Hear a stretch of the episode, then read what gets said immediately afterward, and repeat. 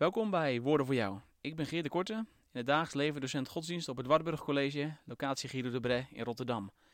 Naast mijn werk als docent doe ik ook promotieonderzoek naar Ambrosius van Milaan. Ik onderzoek de manier waarop hij Joden aanspreekt in zijn preken.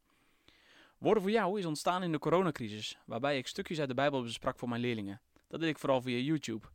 Daardoor heb ik ontdekt hoe leuk en hoe mooi het is om zelf ook online bezig te zijn.